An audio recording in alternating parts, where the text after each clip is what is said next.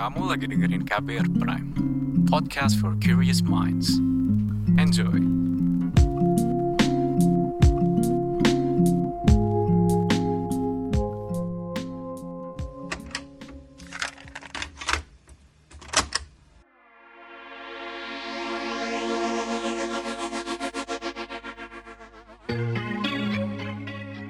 Ngobrolin seks mungkin bukan lagi perkara yang nggak biasa, tapi di ruang terbuka lain kasusnya. Ini kali saya ngobrol bareng Sisil, seorang content creator, sex educator, dan storyteller. Lewat platform yang dia punya, Sisil membuat ruang aman buat ngobrolin seks. Lebih dari perkara belajar seks yang aman, tapi juga perkara ketubuhan, konsensus, koneksi, dan komunikasi. Kamu lagi dengerin Love Buzz bareng saya, Asrul Dwi. Love Buzz Membicarakan perkara yang tidak dibicarakan ketika berbicara perkara cinta.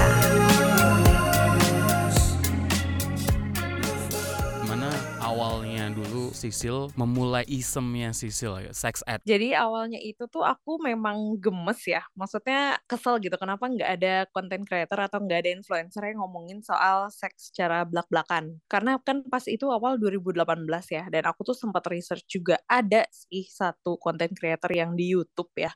Tapi itu dia juga tidak based di Indonesia dan aku rasa uh, audiensnya kebanyakan laki-laki gitu. Terus kayak aku gemes kayak ah ya udah deh coba aja gue yang mulai gitu. Jadi itu awalnya keisengan gitu loh. Gue sendiri tuh kayak pengen somehow tuh pengen punya seorang kakak atau siapa pun itu yang bisa gue tanyain secara belak-belakan soal seks gitu tanpa harus takut dijudge tanpa harus um, takut di shaming gitu. Itu dulu gue kayak gitu. Jadi ya udah deh akhirnya gue memutuskan untuk bikin aja lah sendiri kontennya. Bikin bikin bikin.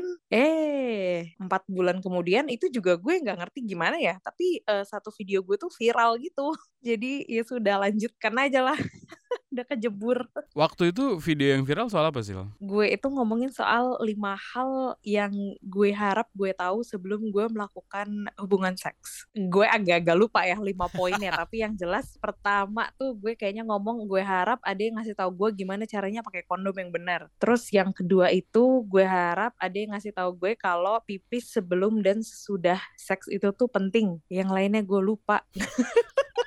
Nah itu pendidikan seks di Indonesia kalau menurut Sisil sendiri gitu gimana sih sekarang ini? Gue tidak tahu ya, gue tidak tahu sekarang yang dipelajari di sekolah itu apa. Tapi mungkin bercermin dari pengalaman gue dulu itu kan memang ya kita belajar biologi, belajar tentang sistem reproduksi toh, ya kan? Cuman gue merasanya itu kayak ya udah anatomikal banget gitu. Bentuk vaginanya juga bentuk dikasih bentuk rahim gitu kan yang Oh iya juga yang ya, bagian dalam Mm -mm, Iya kan, ya kan? Yang bagian dalam yang kita nggak ngelihat gitu. Menurut gue anatomikal dan enggak yang jadi kayak dulu tuh gue mikir oh iya orang tuh hamil karena sperma bertemu dengan sel telur. Lah tapi nggak tahu gitu proses ketemunya ini gimana gitu kan jadi nggak nggak nggak nggak kebayang gitu. Sementara kalau misalnya kita nanya ke yang Kiki itu nanti anak-anak kelas pada kayak senyum-senyum ketawa-ketawa ah pertanyaan lo jorok lo apa kayak gitu kan. Terus gurunya juga jadi malu-malu gitu jawabnya gitu. Padahal apa yang salah gitu kan? Kan itu cuma pertanyaan tentang tubuh ya. Nah gue nggak tahu nih yang sekarang nih kayak gimana gitu ya. Apakah dikasih ada sex ed secara gamblang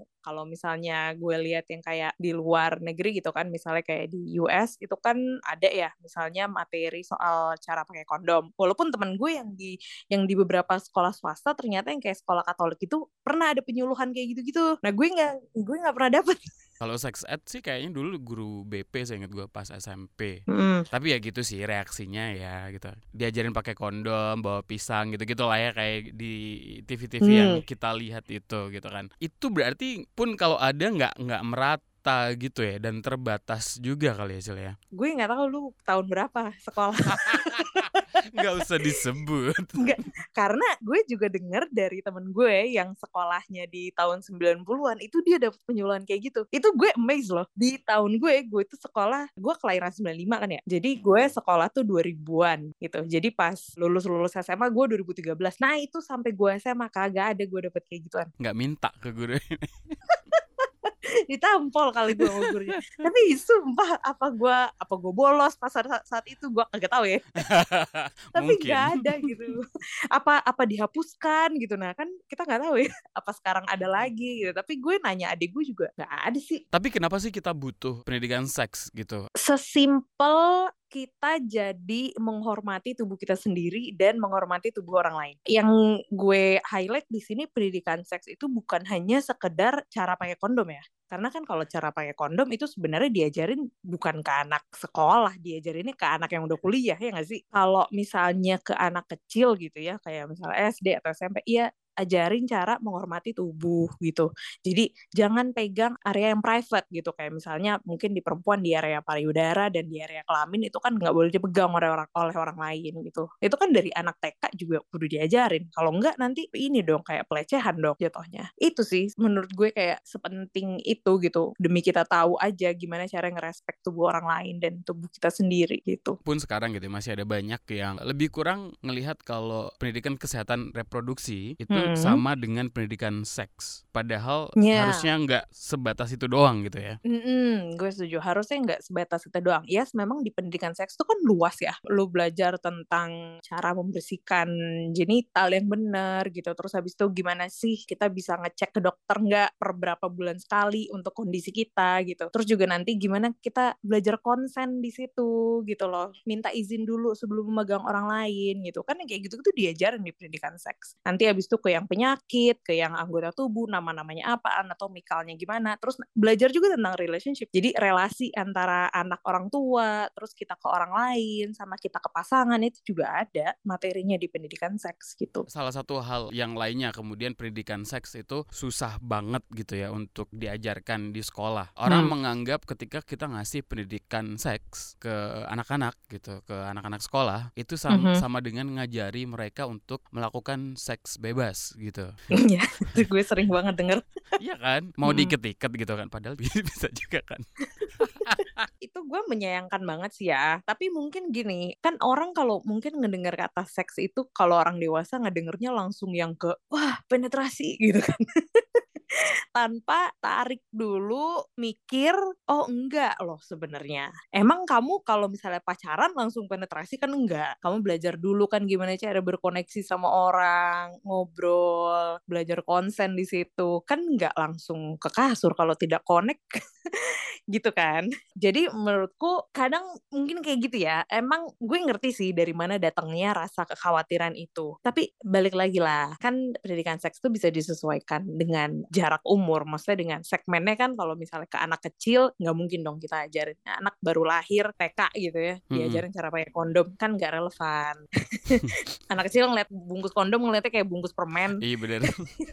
Iya kan? Jadi nggak relevan dong kalau diajarin kayak gitu. Ajarin lah gimana caranya dia mencuci kelaminnya gitu. Ajarin gimana cara dia bisa menghormati orang lain tidak menyentuh anggota privat. Nanti ke yang SD terus ke remaja kan beda lagi. SD ke remaja tiba-tiba kan lo udah belajar puber dong badan lo berubah gitu kasih tau lah perubahan apa aja yang kira-kira terjadi gitu. Agak disayangkan kalau misalnya dibilang pendidikan seks hanya sekedar ngajarin gimana caranya itu gitu membuat anak. Lebih dari itu banyak banget. Nggak seks nggak cuma reproduksi kan sebenarnya. Itu kali yang perlu orang pahami juga ya. Iya benar semoga yang dengar jadi ini ya dengar podcast ini jadi kebayang gitu ya pendidikan seks nggak hanya tentang itu. Kalau lo sendiri ya mengartikan seks itu apa? Hmm gue mengartikan seks itu koneksi komunikasi spiritual dan sesuatu yang fun gitu, yang memang menyenangkan gitu. Nyinggung soal konsen ya, mungkin ada yang masih belum paham juga soal konsensus ya atau konsen ini. Kan ada nuansa-nuansanya sih, boleh dijelasin nggak soal itu? Konsen itu menurut gue tuh sesuatu yang yang fleksibel gitu. Jadi konsen tuh fleksibel. Jadi misalnya gue sekarang ngomong yaudah ayo kita itu yuk kita berhubungan seks gitu. Nah tapi nanti ketika berhubungan seksnya ini misalnya dia bilang boleh nggak aku ngeoral kamu kan itu kan belum tentu dari gue nya iya juga. Mungkin maksud gue yang berhubungan seks ya hanya penetrasi doang tapi oralnya nggak termasuk karena gue nggak suka di oral. Misalnya kan kayak gitu bisa ya. Jadi kalau emang udah paham akan konsen dan akhirnya lo memang menyetujui sesuatu pastiin nantinya lo juga ngasih tahu lagi gitu karena itu fleksibel dan nggak semuanya itu iya jadi nanti kalau memang ada di tengah-tengah yang lu nggak setuju lu bilang gitu ini berlaku untuk misalnya gue si yang pemberi konsen gitu ya. Gue harus tahu nih oh gue harus aktif. Ngomong iya tidak atau mungkin. Tapi juga yang si penerima konsen dia juga nggak ada salahnya untuk selalu checking ini nggak apa-apa nggak? Ini kayak gini nggak apa-apa nggak gitu. Gimana kemudian cara edukasi pendidikan seks kepada laki-laki dan perempuan? Itu harusnya dibedain atau gimana sih uh, model-model yang kayak gimana yang bisa dilakukan gitu? gue rasa sih sama aja ya maksudnya pendidikan seks itu unisex ya. Jadi semua gender bisa belajar dari situ gitu. Cuman mungkin anatominya perempuan dan laki-laki itu kan berbeda ya. Tapi kalau misalnya let's say lo pasangan hetero ya lo mau tahu juga dong gimana lo bisa lebih paham punya laki-laki lo gitu ya. Kayak misalnya dari sisi perempuan ya kan? Pengen tahu juga gitu. Jadi menurut gue dua-duanya ya sama belajarnya sama sih dan yes gue setuju nggak semua orang mungkin akan sampai ke sana ya mungkin mereka melihat seks hanya sebagai untuk bereproduksi gitu ya kan kalau memang itu kepentingannya gitu Em, cuman menurut gue seks tuh lebih dari itu sih di situ ada beberapa orang yang bilang kalau orgasme itu kayak ketemu Tuhan gitu Spiritual emang. spiritual bener, kan bener, bener, bener banget. Bener, benar banget benar sih. ha. Ha-ha, gitu. dan mungkin ada juga yang melihat seks itu sebagai oh ya lu cuma one night stand gitu ya ini kita konteksnya udah yang orang dewasa ya. Jadi kayak one night stand cuman kayak fun fun doang gitu. Kayak ah yaudahlah nggak ada yang ini kok. Cuman badan ketemu badan nggak ada nggak ada koneksi nggak ada apa gitu. Tiap orang ngerti ini beda-beda ya. Ngerasainnya juga beda-beda. Dan mungkin tiap orang juga akhirnya punya jalur atau punya levelnya sendiri sih untuk ngertiin seks itu Kalau lo mengartikan orgasme, meskipun masing-masing Hmm. orang pasti beda lah ya. Tapi gimana sih kita tahu bahwa kita itu orgasme? orgasme itu menurut gue eh, perasaan klimaks ya. Jadi memang kayak feelingnya aja gitu. Lo klimaks, lo udah kayak lo kayak naik roller coaster gitu ya, udah yang paling ah takut gitu. Habis itu kayak udah itu menurut gue orgasme di situ. Mm, orgasme tuh nggak ada nggak ada nggak ada bukti fisiknya gitu. Beda kan dengan ejakulasi. Iya. Mungkin bisa bersamaan, kadang ya sendiri-sendiri datangnya gitu. Dan itu berlaku cewek cowok juga sih. Kalau lo sendiri Sil, ketika bikin konten, ini kan platform yang open to public gitu ya. Termasuk yang mungkin di awal ada semacam self censorship gitu ya. Karena kan juga main Hmm. algoritma dengan aturan pemerintah bla bla ITE gitu-gitu Mm-mm, kan. mm-mm. Eh, itu Mm-mm. juga lo lakukan nggak sih? Atau eh, bodo amat gitu gue dengan yang lainnya gitu kan? Jujur gue dulu itu bodo amat. Jadi dulu tuh sebenarnya kalau dilihat Instagram gue tuh emang selalu berantem deh sama platform. Gue tuh konten gue selalu berantem sama platform. Mau itu Instagram, mau itu TikTok, mau itu YouTube. Eh, ada lah beberapa video gue yang memang kena ban, eh, akhirnya tidak lagi ditayangkan gitu ya. Terus TikTok gue dua kali, ya yang TikTok gue yang pertama hilang, Instagram gue yang pertama hilang. Jadi karena saking violate too many community guidelines, akhirnya gue disensor gitu di bumi hanguskan gitu. Dulu gue bener-bener bodo amat. Dulu kan awal platform gue itu kan YouTube, abis itu ke Instagram ya. Dan di situ dulu gue bener-bener nge-ekspresiin diri gue dengan gue yang suka posting semi-semi nude gitu loh. Karena dulu kan followers gue dikit ya. Terus gue kayak, eh ya udahlah, gue mau mengekspresikan diri gue semaksimal mungkin gitu. Jadi gue adalah eh, foto-foto yang memang um, agak-agak sensual gitu. Walaupun nggak nggak nggak kelihatan eksplisit, nggak gue nggak pernah memperlihatkan misalnya payudara secara eksplisit nggak nggak pernah gitu. Cuman emang kontennya tuh bener-bener terbuka gitu ya. Nah beberapa kali dapet violation, terus abis itu gue sempet juga kayak diomongin sama akun-akun julid gitu, akun-akun gosip Oke. Gue sempat masuk juga yang detik forum detik forum yang mak-mak suka ngejulitin selebgram selebgram itu gue masuk. Oh wow.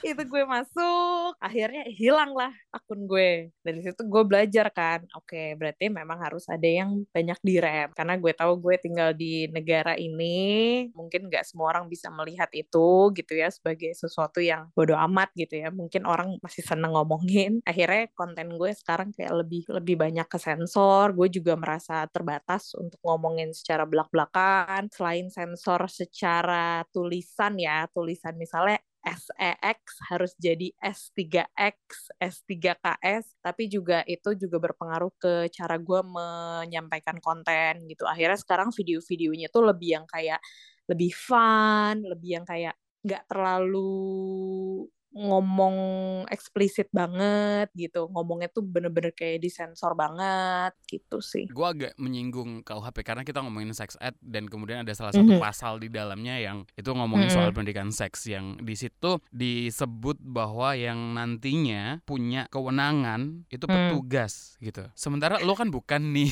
gitu Sil. jujur itu pasal gue kesel itu sempat jadi perdebatan dan sempat kayak jadi ini pejabat yang berwenang tuh siapa ya? Sampai akhirnya temen gue yang dokter dia tuh sampai mencari karena gini oke pejabat yang berwenang itu berarti mungkin orang dari pemerintah gitu ya. Terus gimana taunya kalau orang yang let's say dia ngasih penyuluhan gitu. Terus gimana taunya itu orang ditunjuk sama pe- pejabat yang berwenang itu dia itu kan membagongkan sekali ya. Selama ini juga kalau nggak salah Kementerian Kesehatan banyak melibatkan teman-teman influencer atau NGO NGO juga Iya. kan sebenarnya gitu ya. Karena juga akhirnya ketika kita nyari deskripsi nih ya definisi yang dimaksud dengan pejabat yang berwenang itu tuh diputar lagi jawabannya. Petugas yang berwenang sebagaimana dimaksud pada ayat 1 termasuk relawan yang kompeten yang ditugaskan oleh pejabat yang berwenang. Jadi kayak oke. Yang berwenang siapa nih berarti? Iya yang berwenang tuh siapa gitu loh. Jadi kayak muter lagi bahasanya. Itu gue kesel sih. Itu jangan-jangan juga ada persoalan dengan persepsi masyarakat juga. Ya kita anggap lah yang bikin KUHP ini bagian dari masyarakat juga kan Mm-mm, sebenarnya mm-mm. gitu eh, terhadap pendidikan seks ini gitu. Itu banyak orang yang kan masih menilai atau beranggapan bahwa ya obrolan soal seks itu ya obrolannya laki-laki aja cewek nggak usah ngomongin itu Hmm. gitu kan Sil Hmm, menurut gua itu salah besar karena perempuan eh, hobi banget ngomongin soal itu sama teman-teman satu grup. Dan bahkan mereka mungkin lebih excited kali ya ngomonginnya. Tapi memang ngomonginnya tuh bisik-bisik gitu. Dalam artian ya cuma di grupnya doang. Nggak ini. sampai sekarang masih sering ini nggak sih di komen dapat komentar negatif itu nggak sih di sosial media Mungkin masih ada tapi itu tidak nyampe ke gue ya. Nggak, udah bosan kali orang kan. Orang kayak gitu kan biasanya nanti kalau ada yang lebih hot diomongin lagi kan yang lebih hot. Gue kan sekarang udah lay low banget. oh gitu ya? Gue udah lay low banget gue nggak mau nyari masalah nggak mau gimana jadi ya udah lay low aja.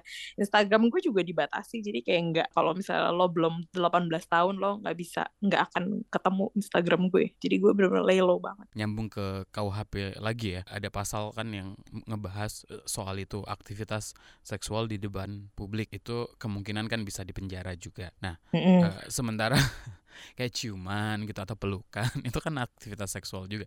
Jangan-jangan nanti kita nggak boleh kayak gitu gitu kan di di depan publik. Nah kalau Sisil sendiri menjelaskan aktivitas seksual ini contohnya apa aja sih atau yang kayak gimana sih gitu banyak ya. Menurut gue dari ciuman pun itu udah bisa jadi ke sana gitu. Aktivitas seks juga gitu. Aktivitas seks bisa dari ciuman bisa dari berpelukan ciumannya juga mungkin eh berpelukan disertai ciuman gitu. Atau mungkin nanti ke oral juga terus apa ya penetrasi juga termasuk. Terus mungkin juga kalau misalnya ada yang jalur belakang kayak anal gitu itu juga termasuk aktivitas seks gitu. Ya bah ya banyak. Elus-elusan gitu kayak. Iya petting petting kan juga termasuk aktivitas seks. Gue udah lama nggak denger kata-kata petting. Iya. udah jadi hal yang ancient banget kayaknya petting sil sekarang ya sih? masih dipakai tahu oh gitu ya itu yang paling aman sih ya ketika lo nggak ada kondom gitu. Iya, ya iyalah kagak buka baju, cuma gesek-gesek doang. Iya sih agak susah ya ketika pendidikan seks terbatas jadi orang mengartikan seks itu jadi hal yang sangat terbatas juga ya sebenarnya ya ujung-ujungnya ya kemudian banyak banget kemudian anak SMP yang sekolahnya nggak kelar gitu SMA sekolahnya nggak Mm-mm. kelar gitu karena itu juga sebagai salah satu dampak kurangnya Iya. pendidikan seks nggak sih Iya banget. Akhirnya kan lo bikin anak tanpa tahu konsekuensinya kan? Atau misalnya, ya kita nggak tahu ya, kan ada juga misalnya yang punya anak hasil dari diperkosa atau apa yang kayak gitu-gitu. Itu kan juga itu juga akarnya ya karena nggak ada pendidikan seks menurut gue. Bukannya gue mau ngejelekin, maksudnya kan kayak kasarnya ekonomi sulit ngapain sih punya anak kan nanti lo susah. Akhirnya kan nanti susahnya ke anak juga. Bukannya gue mau kayak gitu ya, cuman fakta berbicara ya seperti itu gitu. Akhirnya banyak orang yang punya anak tanpa tahu kalau ternyata tanggung jawab untuk memiliki anak itu jauh lebih besar ketimbang lo bikinnya. Iya kan? Terus juga pendidikan seks kan akhirnya juga penting ketika lo menikah tanpa tahu kalau menikah itu bukan hanya menikahkan dua orang tapi dua keluarga. Kan kayak gitu-gitu kan kudunya kan diajarin ya. itu masalah hidup loh. Nggak ada di kurikulum sekolah soalnya sih. Nggak ada. Orang anggapnya itu masalah private. Aduh. Padahal kalau aja anak-anak diajarin gitu ya. kalau nggak salah lu punya kelas online juga ya atau offline? Iya, di 2021 kemarin tuh gue online ada. Jadi kayak itu kayak weekly webinar gitu. Jadi waktu itu emang sempat kayak selama setahun itu rajin banget tiap minggu tuh pasti ada kelas gitu. Itu di dalamnya apa aja yang diajarkan? Wah, banyak banget. Kita udah ada 100 kelas ngomongin soal tentang konsen, ketubuhan, masturbasi pun kita pernah ngebahas di situ gitu ya, masturbasi perempuan laki-laki gitu. Kita juga bahas tentang perselingkuhan. Jadi kayak banyak topik-topik diskusi yang memang banyak terjadi di sini gitu. Kayak kita juga ngomongin soal poli, kayak open relationship itu juga diomongin di situ. Jadi tentang relasi-relasi sugar sugar sugar kan gitu juga kita pernah bahas. Jadi emang kelas kita tuh bukan kelas yang formal banget ya. Makanya kita tuh bisa ngeluarin topik-topik yang memang worth to discuss sama orang-orang yang masuk ke Zoom. Audiens lu berarti kebanyakan cewek ya, Sil ya? Kebanyakan cewek, iya. 70% gue cewek. Itu pertanyaan-pertanyaan kayak gimana aja bi yang biasanya lo dapetin gitu dari dari mereka, dari audiens lo? Banyak tuh pertanyaan kayak, banyak yang curhat sih. Kayak misalnya, kak gue sama pacar gue kayak gini, banyak yang nanyain akhirnya kayak, gimana sih jadi dapetin kontrasepsi darurat, yang kayak gitu. Karena gue abis begini, terus kayak dia butuh itu gitu. Apakah butuh resep dokter apa enggak, yang kayak gitu-gitu ada yang nanyain. Terus juga kalau dulu tuh gue pernah nerima kayak email gitu, itu jauh lebih banyak yang curhat ya namanya di email gitu ya. Bener-bener detail banget gitu. hubungan dia sama pasangan dia kayak gimana dan akhirnya ada yang selingkuh. Atau gue juga pernah ada kayak sekedar orang tuh cuman curhat pengen didengerin doang tanpa mau dibales gitu. Kayak dia pernah cerita kalau dia tuh pernah aborsi sendirian kayak gitu tuh gue pernah dapat salah satu yang pengen lo capai kan untuk bikin ruang aman gitu ya untuk ngobrolin soal seks gini. Kalau dari lo sendiri gimana lo menciptakan ruang aman ini gitu? Dengan memberikan bumbu komedi. Ah, oke. Okay. Di tiap postingan gue gitu di tiap ini. Jadi kayak gue tidak akan menjudge gitu sebodoh apa pun sesimpel apa pun pertanyaan lo gitu ya. Gue akan sebisa mungkin mungkin gue akan tertawa tapi gue akan menjawab itu gitu. Jadi so far sih gue merasa ya itu tujuannya sudah cukup tercapai. Dalam artian orang-orang yang di akun gue itu dia udah berani untuk misalnya nge-DM gue secara kayak nganggep gue temen nggak yang ngelihat gue sebagai orang yang ekspor atau gimana. Nah itu gue nggak mau tuh ada barrier kayak gitu. Jadi kalau mereka nge-DM ya mereka beneran kayak nge-DM kayak temen gitu. Itu udah tercapai sih. Terus juga mereka itu followers-followers gue gue merasa dia itu tidak malu untuk misalnya gue ngebuka pertanyaan nih, gue ngebuka topik diskusi nih di instastory gue gitu ya. Terus mereka tuh nggak akan segan-segan untuk nyeritain atau sharing pengalaman mereka di DM. Dan mereka juga tahu kalau misalnya mereka sharing, itu tuh gue akan, misalnya gue nge-screenshot, itu gue akan ngejadiin itu sebagai anonim gitu. Gue nggak akan nge-share siapa namanya gitu. Ini sebenarnya kan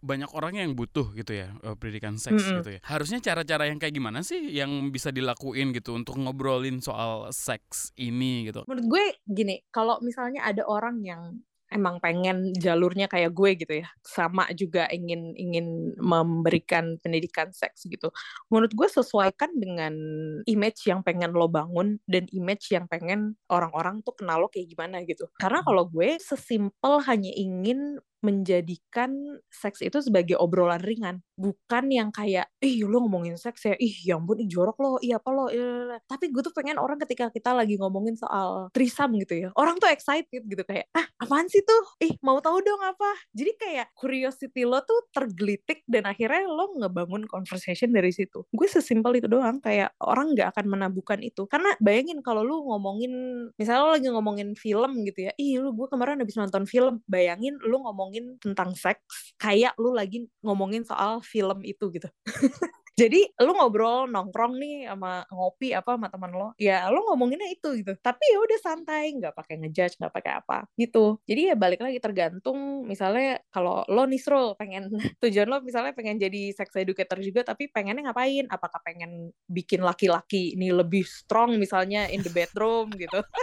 Oke. atau misalnya bisa memuaskan perempuan gitu. Kan balik lagi image yang lo bangun juga akhirnya jadi berbeda kan? Konten lo juga jadi beda gitu. Tinggal disesuaikan aja sama passion lo tuh gimana dan pengen ngebangun image kayak gimana gitu. Gue jadi kepikiran satu hal gitu. Ngomongin seks itu bagian dari upaya lo untuk kenal diri lo sendiri nggak sih? Karena itu kan ngomongin fisiologi dan psikologi lo sendiri juga kan? Menurut gue ini kayak jadi dua arah ya. Gue ngomongin seks gue akhirnya dapat ilmu dari mereka. Akhirnya itu kan nge-push gue untuk terus belajar ya? Terus kayak nyari tahu untuk terus kayak oh ada lagi nggak sih yang dari diri gue yang bisa gue pelajarin lagi gitu? Yang bisa gue upgrade gitu? Yang bisa gue cari tahu lagi? Kan gue udah dapet teorinya nih. Jadi kayak menurut gue itu kayak lingkaran dua arah gitu loh. Jadi gue juga dapet ilmunya mereka juga dapet ilmunya gue juga jadi bisa ngembangin diri gue mereka juga sama kayak gitu sih. Fulfilling sex itu yang kayak gimana sih? Gimana caranya mencapai itu? Wow eh ini akhirnya pertanyaan lo akhirnya jadi bikin gue mikir apa gue sudah fulfilled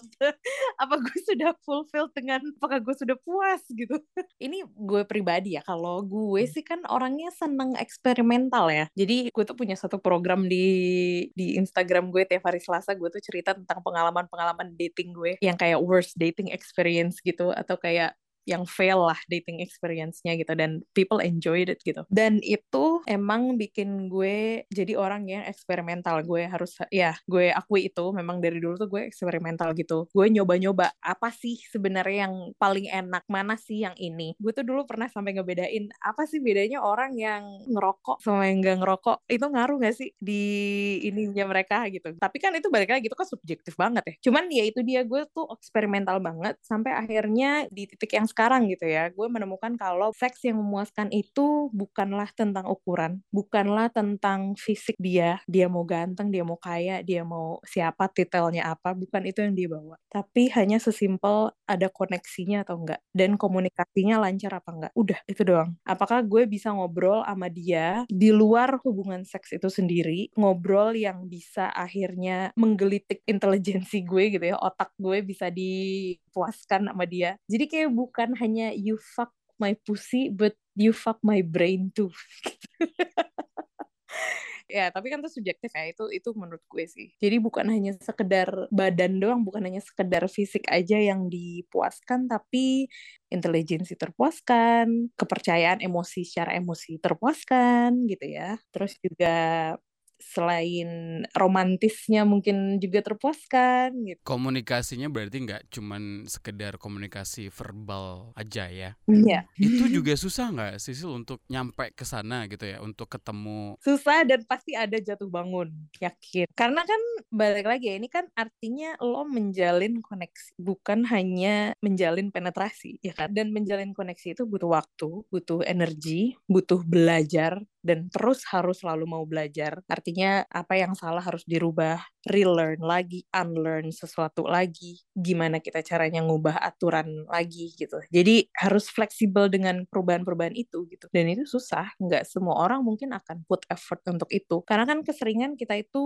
sukanya dengan sesuatu yang mudah ya. Jadi mungkin susah-susahnya pas di awal ketika PDKT makanya wah getol banget nih si perempuan dan laki-laki ini punya dapat baru ledakan hormon yang baru baru terus tiba-tiba wah getol banget ngechatnya apanya apanya. Eh pas udah dapet hilang itu semua jadinya kayak udah stagnan. Kok kayak bosen ya? Nah kan ketika yang bosen itu kan berarti kan istilahnya grafiknya tuh udah datar ya. Udah stagnan lo udah dapet lo udah settle. Ada lagi nggak nih yang bisa dipercikin? Ada lagi nggak nih yang bisa diiniin? Itu gitu. komunikasinya harus terus jalan hmm. itu tadi gitu kan ya. Iya, termasuk iya, eksplorasi gitu-gitu ya. Iya benar. Eksplorasi kan berarti harus ada. Apalagi yang mau kita coba. Kok kita jadi kayak gini sih? Ada lagi nggak ya yang bisa kita sparknya gitu? Bikin spark baru yang kayak gitunya sih biar nggak ngebosenin biar nggak stagnan aja ada juga faktor ego gitu dalam seks gitu kan hmm. mungkin sebagian orang lebih suka memuaskan sebagian yang lainnya lebih suka dipuaskan gitu ya kadang ngambil balance ini tuh agak-agak susah gitu kadang mungkin beberapa orang juga dari teman-teman gue sendiri gitu ya uh, yang kadang hmm. juga malah lupa untuk menikmati prosesnya tapi kemudian di otaknya eh kalau gue gini dia suka nggak ya kalau gue gitu hmm. gue bisa menikmati nggak ya gitu-gitu.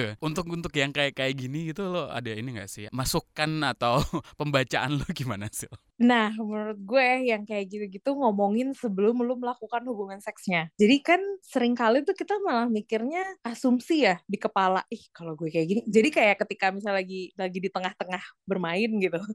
Terus lo tuh malah mikir, eh kalau gue berubah kayak gini kira-kira dia bakal gimana ya? Nah, itu harusnya diomonginnya pas sebelum. Jadi kalau misalnya lo memang pasangan gitu, misalnya lo suami istri, omongin aja dulu. Misalnya pas lo lagi makan gitu, pas lo lagi dinner bareng, omongin aja aja pas lagi duduk berduaan kayak eh mau mau nggak ngobrol soal ini? Kayaknya waktu kemarin kamu kayak gini kita next time bisa coba kali ya kalau kita kayak gini. Jadi kayak sebelum aktivitasnya itu terjadi itu tuh udah diomongin gitu. Jadi ketika aktivitasnya itu terjadi lu nggak lagi nebak-nebak lu nggak lagi berasumsi. Ataupun kalau misalnya di tengah-tengah gitu ya lu pengen berubah sesuatu ya lu tanya aja kayak gini enak nggak? Jadi lo nya nggak ada asumsi di kepala yang akhirnya itu bikin lo jadi nggak fokus gitu. Kadang ada yang oh. ini juga kan ya masa sih gue nanya eh, padahal kenapa anjir? Nggak apa-apa iya, makanya itu. iya malah menurut gue kalau misalnya berhubungan seks tuh nggak usah serius-serius amat. Emang apaan sih? Emang ujian? Kan enggak jadi eksperimen aja gitu. Lo sambil ketawa terus ujung-ujungnya kayak ngakak berdua terus misalnya berhenti ya udah so what? Gitu. Next time kan bisa coba lagi. Seberapa sering eksperimen itu kudunya dilakukan? Sering mungkin menurut gue sampai akhirnya lo ketemu titik kalau oh ternyata pasangan gue kayak gini ketika responnya ketika gue begini gitu. Menurut gue kuncinya asal dua-duanya sama-sama terbuka aja sih. Open to adventure ya open to exploration gitu. Yang lo lakukan ini kan bentuk-bentuk usaha buat narik ketabuan ngobrolin soal seks gitu di masyarakat. Ini kalau kemudian ya eh, di sekolah kita nggak dapet pendidikan seks gitu. Sosial media itu salah satu yang dituju. Iya kalau informasinya benar seperti yang lo bagi. Hmm. Tapi ada juga kan kemudian yang either itu seksis gitu kan, ada juga yang justru orang jadi kayak semacam larinya ke pornografi. Nah, iya kan kita harusnya nih sebagai netizen yang budiman gitu ya hmm. untuk nyari uh, outlet atau ngebaca outlet outlet kanal-kanal informasi ini tuh harusnya milih yang kayak gimana sih gitu. Di sosial media kan sebenarnya juga nggak ada kontrol gitu sih meskipun ya ada aturan negara tapi ya nggak mm -hmm. ada yang bisa kontrol itu gitu kan. Betul. Lagi-lagi ya ini menurut gue juga filtering information kapasitas orang juga beda-beda filternya. Ya nggak sih? Pertanyaan yang sulit untuk dijawab kalau kata gue. Karena nggak semua orang mungkin punya privilege filtering informasi yang bagus mungkin ada orang-orang yang akhirnya nggak tahu algoritma internet ini bekerja dan akhirnya informasi yang dia dapat dari handphonenya ya itu itu aja. Kan lo kadang suka ngerasa gak sih? Kadang tuh ada orang-orang yang kayak oh apaan sih lo? Kok berita-berita yang masuk ke timeline lo kok kayak ginian semua? Kok di gue beda? Kan berarti kan juga algoritma secara nggak langsung ngasih kita informasi yang hanya mau kita konsumsi ya kan? Gitu. Dan nggak semua orang mungkin akhirnya bisa ngefilter informasi. Akhirnya kan mungkin akan terbombardir dengan apa yang dia terima aja. Agak susah sih memang. Cuman menurut gue um, sebisa mungkin carilah informasi yang masih bisa didapat terkait sama kesehatan seksual uh, dan seks ini tuh dari buku aja. Atau dari channel-channel yang memang terpercaya. Kayak misalnya lo pengen baca jurnal ya lo tahu jurnal di mana.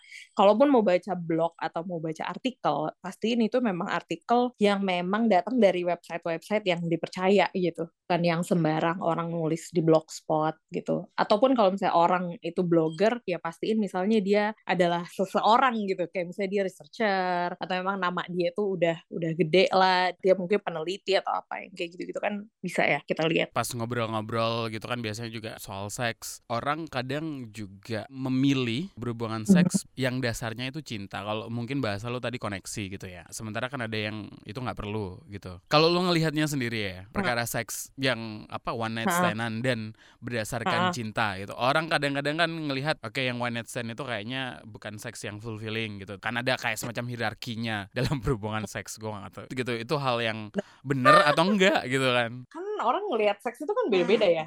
Nah, gue sejujurnya juga kalau orang bilang, oh seks yang ada koneksinya tuh lebih baik daripada yang one night stand. Ih, emang gue siapa anjir? gue kayak berasa jadi Tuhan gitu kan. Menurut gue tidak ada yang lebih baik daripada yang lain. Ini semua diberatkan kepada keputusan masing-masing as long as you're happy selama lu tidak membahayakan siapa pun, lo tidak berusaha menyenangkan siapa pun kecuali diri lo. Itu menurut gue yang penting. Jadi nggak ada yang lebih baik daripada yang lain. Ya kalau memang tuh orang senang dengan one night stand, dia dia mendapatkan kebahagiaannya dari itu, ya udah selama dia misalnya melakukannya dengan aman dan dia nggak ngerugiin hidup lo, ya udah why judge gitu. Iya benar. Kalau di Indonesia kan cinta satu malam masih ada cintanya loh. Nggak ada cintanya. ada cintanya kalau bahasa Indonesia kan. Iya sih. Itu aneh banget sih menurut gue. Cinta satu malam. Apa coba one night? Emang one night stand aja kagak ada cinta di situ. satu malam berdiri doang capek. iya, satu malam berdiri tuh capek. Kalau lo mengartikan cinta apa? ya elah, kayak kucing lah. Aduh, susah ya. Apa itu cinta ya? Hmm, ya rasa sayang lah, rasa kasih. Au deh. gue nggak ada jawaban untuk ini. Yang penting saling memuaskan gitu aja. Iya, yang penting balik lagi kadang juga orang kalau misalnya cinta, gue kadang suka bingung juga sih dengan cinta itu karena gue pernah mencinta mungkin ya kayak gue mungkin cinta atau kayak gue kayak terlalu dalam gitu ya nafsu nafsu dan cinta kadang lust and love ini juga oh kita nggak pernah tahu ya yang mana yang kita rasain gitu kan. Menurut gue kadang kalau terlalu mabuk terlalu mabuk ke payang yang jatuh kayak jatuh banget itu menurut gue akan nyakitin juga gitu. Tapi menurut gue kalau cinta gue sukanya kata tuh kasih gitu. Kayak lo sayang dengan seseorang lo nyaman dengan seseorang itu menurut gue yang penting sih. Karena kalau cinta lu cinta bertepuk sebelah tangan kan tidak enak ya gue lebih seneng kasih sayang gitu. Jadi yang memang lu nyaman sama pasangan lu terkoneksi dengan baik lu bisa spending time tanpa tanpa apa ya ada awkward gitu. Karena menurut gue itu yang jauh penting sih sama-sama nyaman. Pendidikan seks nggak melulu belajar tentang bersetubuh. Lebih dari itu kita belajar perkara ketubuhan, mengenal tubuh kita sendiri, mengenal diri kita sendiri. Love Buzz membicarakan perkara yang tidak dibicarakan ketika berbicara perkara cinta.